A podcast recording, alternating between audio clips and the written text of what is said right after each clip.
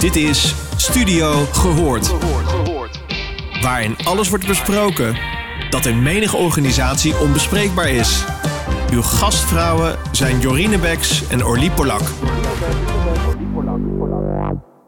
Welkom uh, luisteraars. Het is weer uh, tijd voor een uh, mooie podcast. Ik zit in de studio met Jorine. Hey Orly. En een hele bijzondere gast, Hans van Breukelen. Welkom. Hi Hans. Een hele goede dag.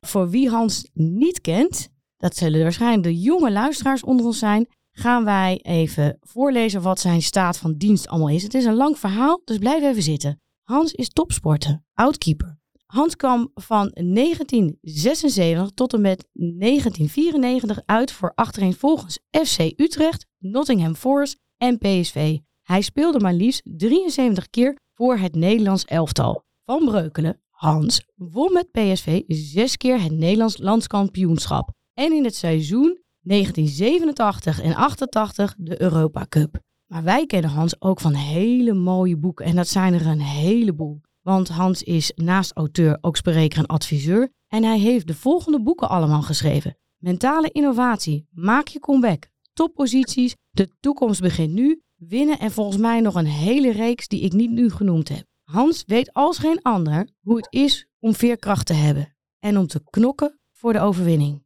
Wij vinden het een enorme eer dat je hier bent. Welkom. Wat een intro, Olly. Dankjewel. Eigenlijk hebben we één hele belangrijke vraag. Wat heb je nou nodig om succesvol te worden? Wat een makkelijke vraag stel jij zeg. nou, weet je, ik denk dat als je het heel kort wil samenvatten, dan gaat het altijd om intrinsieke motivatie. En intrinsieke motivatie, dat heeft een professor ooit eens uitgezocht, dat dan hebben mensen moed, dan hebben ze weerbaarheid, een zettende vasthoudendheid en doorzettingsvermogen en ze tonen initiatief. Nou, als je dat dan even zo neerzet, dan moet je natuurlijk er ook wel bij zeggen dat talent ook wel prettig is als je dat hebt. En met talent bedoel ik dat je iets doet waar je ook bekwaam bent, wat je ook heel veel plezier biedt. Je moet vooral niet een vis laten klimmen. Dus je moet gewoon kijken waar mensen blij van worden, wat hen, bij hen past. En als je dat lukt, dan zijn dat een paar basiselementen om succesvol te zijn. Maar die intrinsieke motivatie, hè? dat is een heel mooi woord, maar die ontstaat niet zomaar. Als die aan is, dan geloof ik dat je het hebt. Maar die moet ook nog even aan. Is dat niet soms ook omdat je een beetje bewijsdrang hebt? Dat je wil laten zien wat je allemaal kan? Nou, ik denk wel dat eh, als je bij mensen die echt vol vuur willen presteren, dan moet bewijsdrang een onderdeel zijn. Dat kan haast niet anders. Het is altijd wel grappig om erachter te komen, waar komt die bewijsdrang dan vandaan? het nieuwe boek van Slatan, dat geeft aan van ja, die wilde, komt uit een heel arm gezin en die wilde niet arm gevonden worden en die had een baas van nou, ik zal het tegendeel gaan bewijzen. Je hebt mensen die daarentegen ook zeggen, ja, ik ben voor een dubbeltje geboren en ik zal nooit een kwartje worden. Maar juist die mensen met die bewijsdrang, die willen er wel een kwartje van maken. Ja, en dan moet je ook vooral pijn kunnen lijden. Je grenzen verleggen, constant in beweging blijven. Zorgen dat je goed in je vel zit, niet alleen in de kop, maar ook gewoon lichamelijk. Dat je toegewijd bent aan hetgeen waar je mee bezig bent. Want dan ben je daar trots op dat je daarmee bezig bent. Dan kun je waanzinnig veel energie in kwijt. En zul je ook vaak niet in de gaten hebben dat je er al één, twee of drie uur mee bezig bent. En zelfs ben je er bij wijze van spreken s'nachts nog wel bezig als je in je bed ligt. En dan nog zijn dat mensen, en dan kijk ik ook even naar mezelf, als jonge keeper was ik altijd aan het kijken naar keepers op televisie, waarvan ik dacht, wat zijn dat nou elementen waarom dat een goede keeper is? En zou ik dat voor mezelf ook misschien kunnen gaan oefenen? Dus dat betekent dus eigenlijk in zijn totaliteit bevlogenheid, als ik het zo mag noemen. Dat staat ook in ons boek. En daar zijn elementen daaronder vitaliteit, toewijding en absorptievermogen. Nou, dat even weer de theorie naast wat ik dan zelf heb gemaakt. En het mooie ervan is, dat heeft ieder mens volgens mij wel eens, dat je een held voelt. Een held dat het lijkt of wat je ook doet, dat dat lukt. En dat noem ik dan onbewust bekwaam, weet je. Maar om die weg zo ver te komen, dat je bij wijze van spreken onbewust bekwaam bent, dan zit je in de zogenaamde flow. Zo noemen we dat in de sport. Dus bijna gedachteloze toestand, waarin je gewoon de dingen doet die bijna vanzelf gaan. En dan ziet het er perfect uit. En dat perfectionisme, dat lijkt dan heel makkelijk. En als je dan realiseert wat iemand daarvoor heeft moeten doen om dat te bereiken, hè, of je nou Irene Wust of Epke Zonderland, nou ja, als je die aan de rekstok ziet, of op de schaats, dan heb ik zoiets van, jee, dat zou ik ook wel kunnen. Bewijzen van, zo makkelijk lijkt het. Maar ja, als je dan gaat kijken wat zij ervoor over moeten hebben om dat niveau aan te tikken. Ja, weet je, dat is pijn lijden, dat is afzien. Dan moet je doorzetten. Maar blijkbaar, omdat je er zo begeesterd door bent, heb je dat ervoor over. Je gaf net aan, hè? natuurlijk een enorm enthousiasmerend verhaal. En in het begin gaf je aan dat je gelooft dat je van een dubbeltje een kwartje kunt worden, of dat je het misschien juist niet gelooft. Ik heb ook een stichting voor kwetsbare jongeren dan, met heel weinig zelfvertrouwen, die eigenlijk altijd hebben gehoord dat ze niks kunnen. Hebben de slogan hè, dat je verleden niet je toekomst hoeft te bepalen. Geloof je dat je dat aan kunt zetten, die intrinsieke motivatie? Ik denk dat het vooral dan belangrijk is om erachter te komen of een mens de urgentie voelt of de drang voelt om uit de situatie waarin ze nu zitten te willen komen. Dat kun jij niet bedenken, dat kan ik niet bedenken. De urgentie ligt vaak bij een persoon. En als die urgentie er is, dan zullen ze in beweging komen.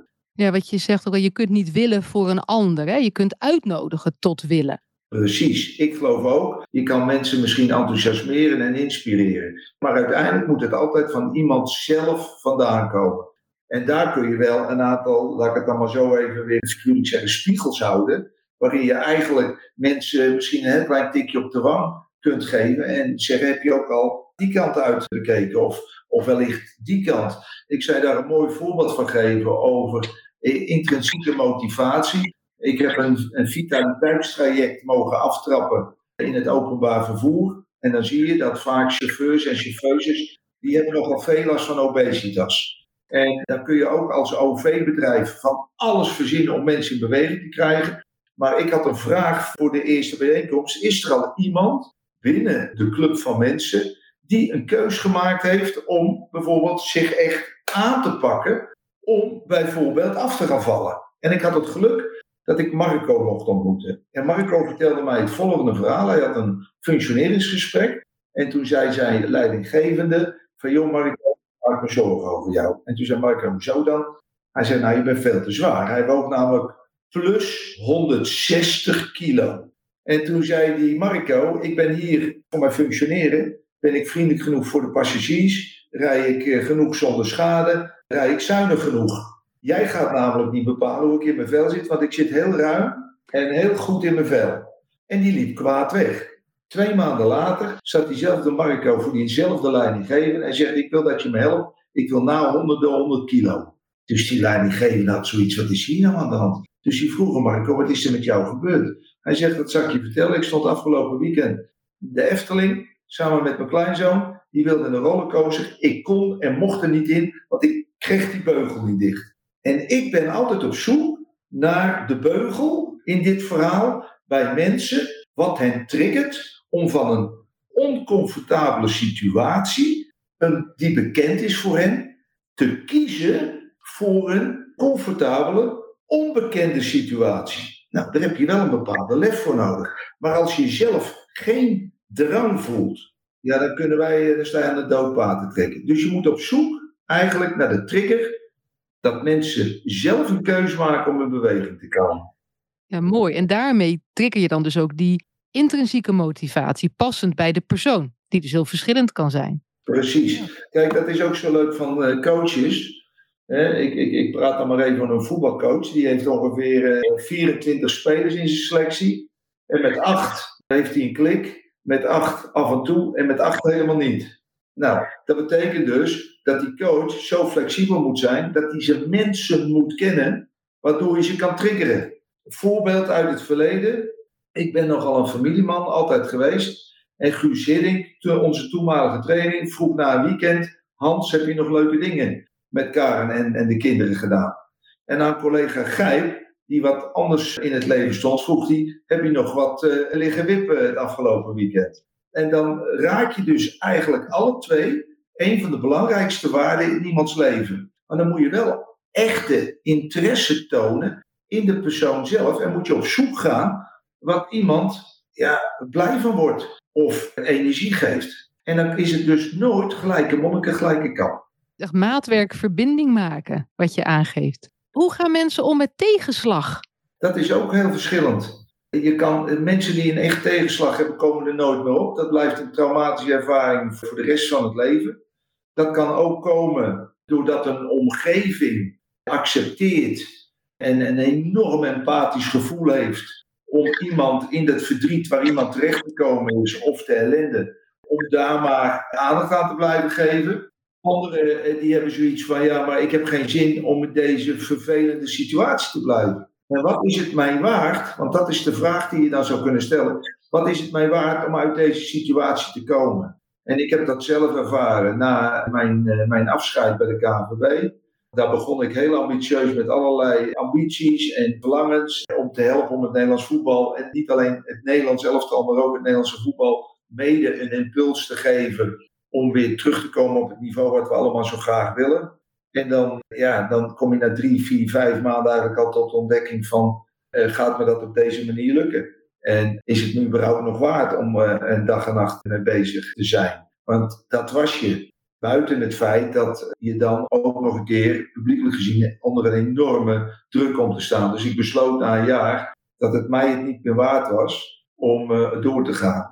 En toen ben ik voor het eerst in een zwart gat uh, gesodemieterd. Want dat besluit, dat voelde enerzijds een nederlaag en tegelijkertijd als een opluchting. En toen viel ik echt in een zwart gat, want ik, ik had in één keer een doelloos leven. Nou, dat past niet bij een ex-doelman. Ik ben altijd wel gewend om voor mezelf in beweging eh, te blijven en voor mezelf doelen te stellen. Nou, dan ga je in zo'n fase ga je je, je golfhandicap naar beneden proberen te brengen. Je gaat weer al je sociale contacten aan, uh, aantrekken. Je gaat heel veel reisjes maken. En in, in, in een reis in Zuid-Afrika, toen dacht ik van ja, ik heb nog pijn in mijn lijf ook. Van is dit hoe ik de rest van mijn leven, ik was 61 op dat moment, uh, zo door gaan? Of sluit ik dit af en kies ik voor iets wat ik nog eigenlijk niet precies weet wat ik ga doen? Want ik heb natuurlijk jarenlang, voordat ik bij de KVB actief was, heel veel presentaties mogen geven. Ik kreeg overal een podium, coaching sessies, nou ja, inspiratiesessies. Je kunt het zo gek niet bedenken. Ik, mocht overal en nergens komen, noem ik wel eens. En toen dacht ik, ja, zit men daar nog op te wachten? Hè, op die loose van de KVB. Want dat gaat je dan ook eigenlijk in je eigen kop ga je dat zetten. En toen kwam Benno tegen, die jullie ook al een keer geïnterviewd hebben. Waar we toen samen het boek Maak je comeback hebben geschreven. En daar heeft hij eigenlijk zijn acht stappen om van op je bek gaan, om weer regisseur te worden in je eigen leven. Heb ik tegen hem gezegd, pas die maar op mij toe.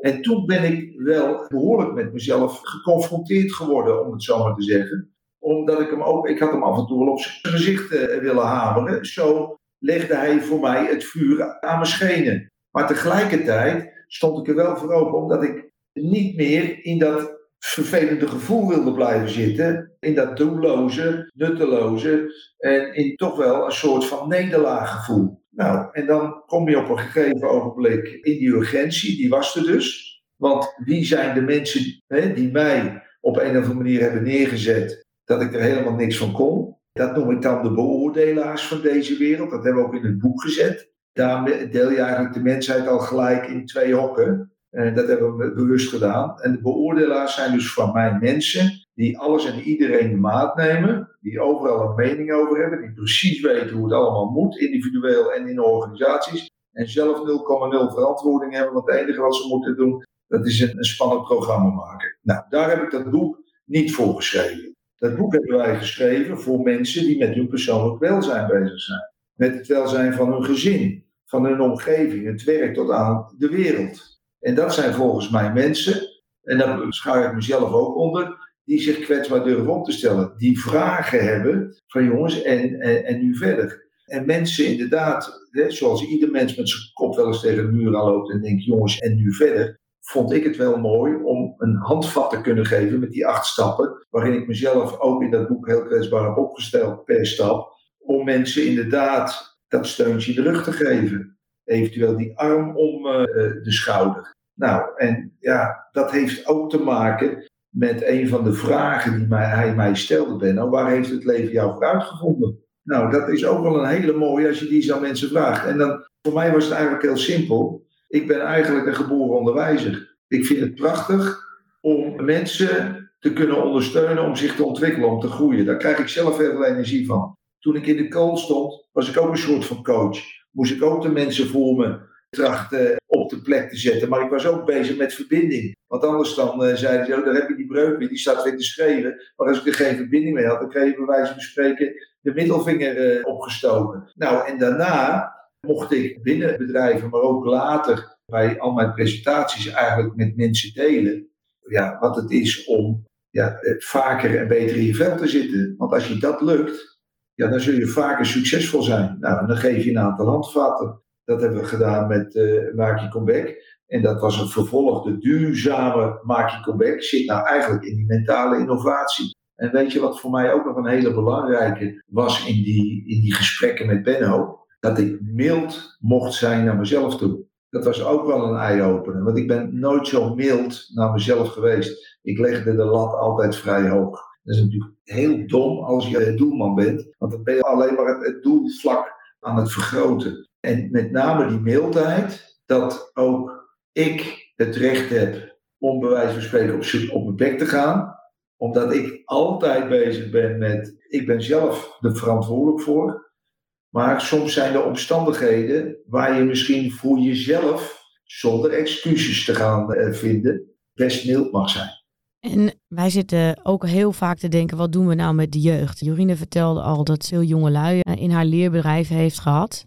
Jij vertelt van jouw ervaring eigenlijk van een mega succesvolle positie naar een eigenlijk een, een, ja, een teleurstelling en daar krabbel je weer op. Maar ik geloof wel dat je dus in je leven wel heel veel mee al hebt gekregen. Je hebt een goed netwerk, je hebt heel veel kennis opgedaan en je hebt iemand die je helpen kan. En waar Jorien en ik soms ook wel bezorgd over zijn, is al die jonge lui die afgeschreven worden, die niet eens zien dat ze potentieel hebben, niet eens weten dat er ergens in hun hartje of in hun hoofdje nog een beetje gif zit. Die gewoon letterlijk denken, ja, maar, maar mevrouw zegt ze dan tegen mij, maar mevrouw, ik kan helemaal niet leren. Er wordt toch helemaal niks. Of maar mevrouw, ik kan ook niet voetballen. Dus ze kunnen en niet leren en ze kunnen geen topsport. En dan zijn ze 13, 14 jaar oud en eigenlijk hebben ze zichzelf eigenlijk al helemaal opgegeven. Ja. Wij zijn eigenlijk ook wel altijd op zoek naar van hoe kunnen we dat soort kwetsbare jonge lui, die nog helemaal geen netwerk hebben, nog geen knappe boekjes hebben gelezen, hoe kunnen we die bereiken om ja, te zien dat zij ook potentieel hebben? Ja, ik denk toch dat het vooral een kwestie is van blijven vragen. Van waar word jij, word jij wel blij van? Kun je wel goed gamen bijvoorbeeld? Wat vind je van muziek? Misschien heb jij wel een ongekende. Misschien kun je fantastisch rappen, misschien kun je fantastisch dansen. Ik zoek het niet altijd in, in sport of, nou ja, doe ik het zeggen, een goed stel hersenen. ik bedoel, je zal maar een, IQ van, uh, van 140 hebben en hoogbegaafd zijn. Waar loop je dan allemaal niet tegen Mensen die diagnosticeerd worden met autisme. En eh, terwijl ik zoveel autistische mensen ken die zo ongelooflijk goed kunnen werken, die ook zo ongelooflijk bruikbaar zijn, maar die ook een gevoel hebben gehad van ja, ik heb autisme.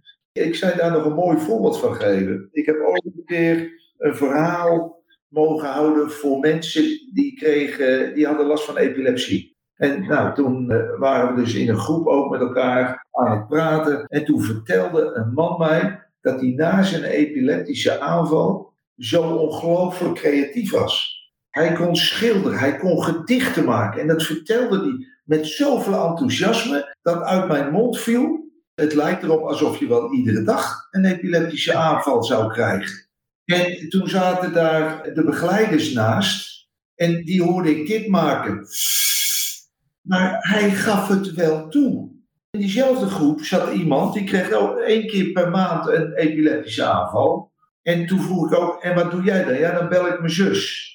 Ik zeg, en wat doe je die andere 29, 30 dagen van de maand? Ja, ja, ja, dan zit ik eigenlijk te wachten tot ik die epileptische aanval krijg. En dit is, weet je, misschien vergelijkbaar met mensen die dus door omstandigheden, want ik geloof er namelijk niet in dat mensen dat van zichzelf gaan denken. Dat wordt hen aan alle kanten wordt dat hen ingeprent. Van je bent niks waard. En dat kan een vader of een moeder zijn, of een leraar op school, of een, een trainer, of, of weet ik welke mensen je tegenkomt. Eh, dat is dood en dood jammer. En als je dat dan vaker hoort, ja weet je, dan ga je ook zo gedragen. het is dat verhaal van die kleine adelaar. Die, oh nee, een ei van een adelaar die op een gegeven moment gepikt wordt uit een nest. En die wordt voor de rest in een, een kiphook uh, gelegd. Dan wordt dat, dat adelaartje, dat komt eruit. Die gaat zich gedragen als een kip. En dat is misschien ook wel vergelijkbaar. Dus ik geloof er namelijk in dat de omgeving juist, en daarom is het werk wat jullie doen zo mooi, dat je mensen in een andere situatie brengt. En dat je het wel een bepaald perspectief kunt bieden. En een zelfbeeld. En wat daarmee ook wat meer zelfvertrouwen tracht te ontwikkelen. Maar ga alsjeblieft op zoek naar iets wat die persoon wel erg leuk vindt. En kap er alsjeblieft mee. En ook naar al die klojo's die allemaal aangeven wat je niet kunt. Complimenten geven, dat is ook zoiets. Dan wordt er gelijk groep positivo. Dan heb ik de niet erop. Ik vind het mooi naar mijn kinderen. Ik mag nu ook opa zijn naar kleinkinderen toe. En ik vind het geweldig om te zeggen, geweldig gedaan. Word je er zelf ook blij van? Nou, dat zijn ze vaak al.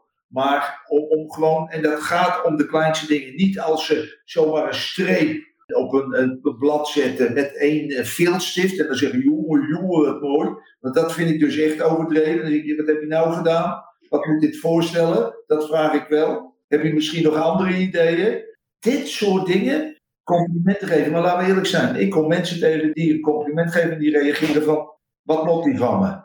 Ja. Ofwel die het zelf niet kunnen, hè? wat je aangeeft ontvangen, dat is ook een lastige. En inderdaad uh, zelf geven, ja. Maar ja. dus met andere woorden, er liggen nog ongelooflijk veel mogelijkheden. Wat, wat jammer is alleen, dat merk ik ook, dat we best wel in een wereld leven waarin de gehaastheid blijkbaar heel erg nodig is om persoonlijke doelen te halen. Ik geloof, en dat heb ik ook naar mijn kinderen toe, ik heb twee zoons en een, en een dochter, dat zijn allemaal dertigers nu. Dan vraag ik ook, maken jullie wel eens keuze of wil je alles? ik weet nog dat een van mijn, zoons, die had in de weekend, en dan praat ik echt over 15, 20 jaar geleden, vier feestjes op één avond, op een zaterdagavond. En dan vroeg ik, naar welke ga je? Naar welke ga je? Natuurlijk alle vier, pap. En dan dacht ik van, ja, hoe, hoe doe je dat dan? En ik geloof er heilig in, het is ook een kwestie van keuzes durven maken. Dat zie ik ook bij jonge mensen ze laten zich ongelooflijk opfokken door de wereld om hen heen, omdat zij denken dat zij aan die standaard, welke dat dan ook is, hè, want je moet een goede baan hebben, en je moet op vakantie kunnen, en je moet een auto kunnen rijden, en weet ik het allemaal. Maar dan vraag ik ook aan mijn kinderen: heb je ook momenten dat je gelukkig voelt? Hele simpele dingen. En dan denk ik van, ja, om, om, weer, even, om weer even terug eh, te gaan. ga gewoon een keer heerlijk weer met je paarden Ga van weekendje weg, joh. Even weer met z'n tweeën, zonder kids. Al dat soort kleine dingen. Probeer af en toe ook voor jezelf een moment te creëren. Want het is zo makkelijk om maar in een rondje te blijven lopen, achter je eigen staat aan. En als ik terugdenk naar die periode dat ik in die leeftijdsgroep zat, hè, 20, 30, deed ik ook hetzelfde hoor. Was ik ook alleen maar bezig presteren, presteren, presteren. Carrière maken. En heb ik nauwelijks echt kunnen genieten van de momenten dat we weer met een beker omhoog stonden. Ja, ik heb één jaar gehad, heb ik drie weken lang op een roze wolk. En dan kom je de eerste beste competitiewedstrijd, moet je weer beginnen. En dan ben je weer de grootste klojo van de wereld, volgens de supporters van de tegenpartij. Nou, sta je zo weer met twee benen op de grond. En kijk, ik zeg wel eens voetballerij, zoals ik het heb mogen ervaren, dat is eigenlijk een soort van snelkooppan van de maatschappij. Er gebeuren zoveel dingen, met ups en met downs. En overkomen je leuke dingen, nare dingen. Eh, mensen die eh, aan, de aan de ene kant in de lucht in prijzen, aan de andere in de grond boren. Nou, al dat soort elementen. En dan moet je met één ding bezig zijn, eigenlijk wat je het leukst vindt. Ik heb het mazzel gehad, ik heb van mijn hobby mijn werk mogen maken. En toch ging mijn carrière op een gegeven moment in 687 ook bijna naar de knoppen. Dat ik werd gepositioneerd als een geboren verliezer. Dat ik het Nederlands zelf al ben uitgezet. En een jaar later mocht ik met mijn collega's van PSV en Oranje een Europese uh, beker in de lucht tillen. Daarom geloof ik zo dat ieder mens de veerkracht heeft. Maar je moet soms wel even iemand hebben die je erbij helpt. Ja, even een setje krijgen. Mooi, mooi. Precies, precies. Dank je wel voor deze mooie podcast. En inderdaad, de vraag was heel simpel. Succesvol zijn of worden heeft niet zoveel nodig. Je moet gif hebben, keuzes durven maken, vooral plezier hebben in het bereiken van je doelen. En als je weer naar beneden valt, gewoon opkrabbelen en opstaan. En dan blijf je, zoals ik van jou hoor, als ik jouw verhaal hoor, denk ik, jee, die Hans, volgens mij geniet hij echt van leven. Mooi.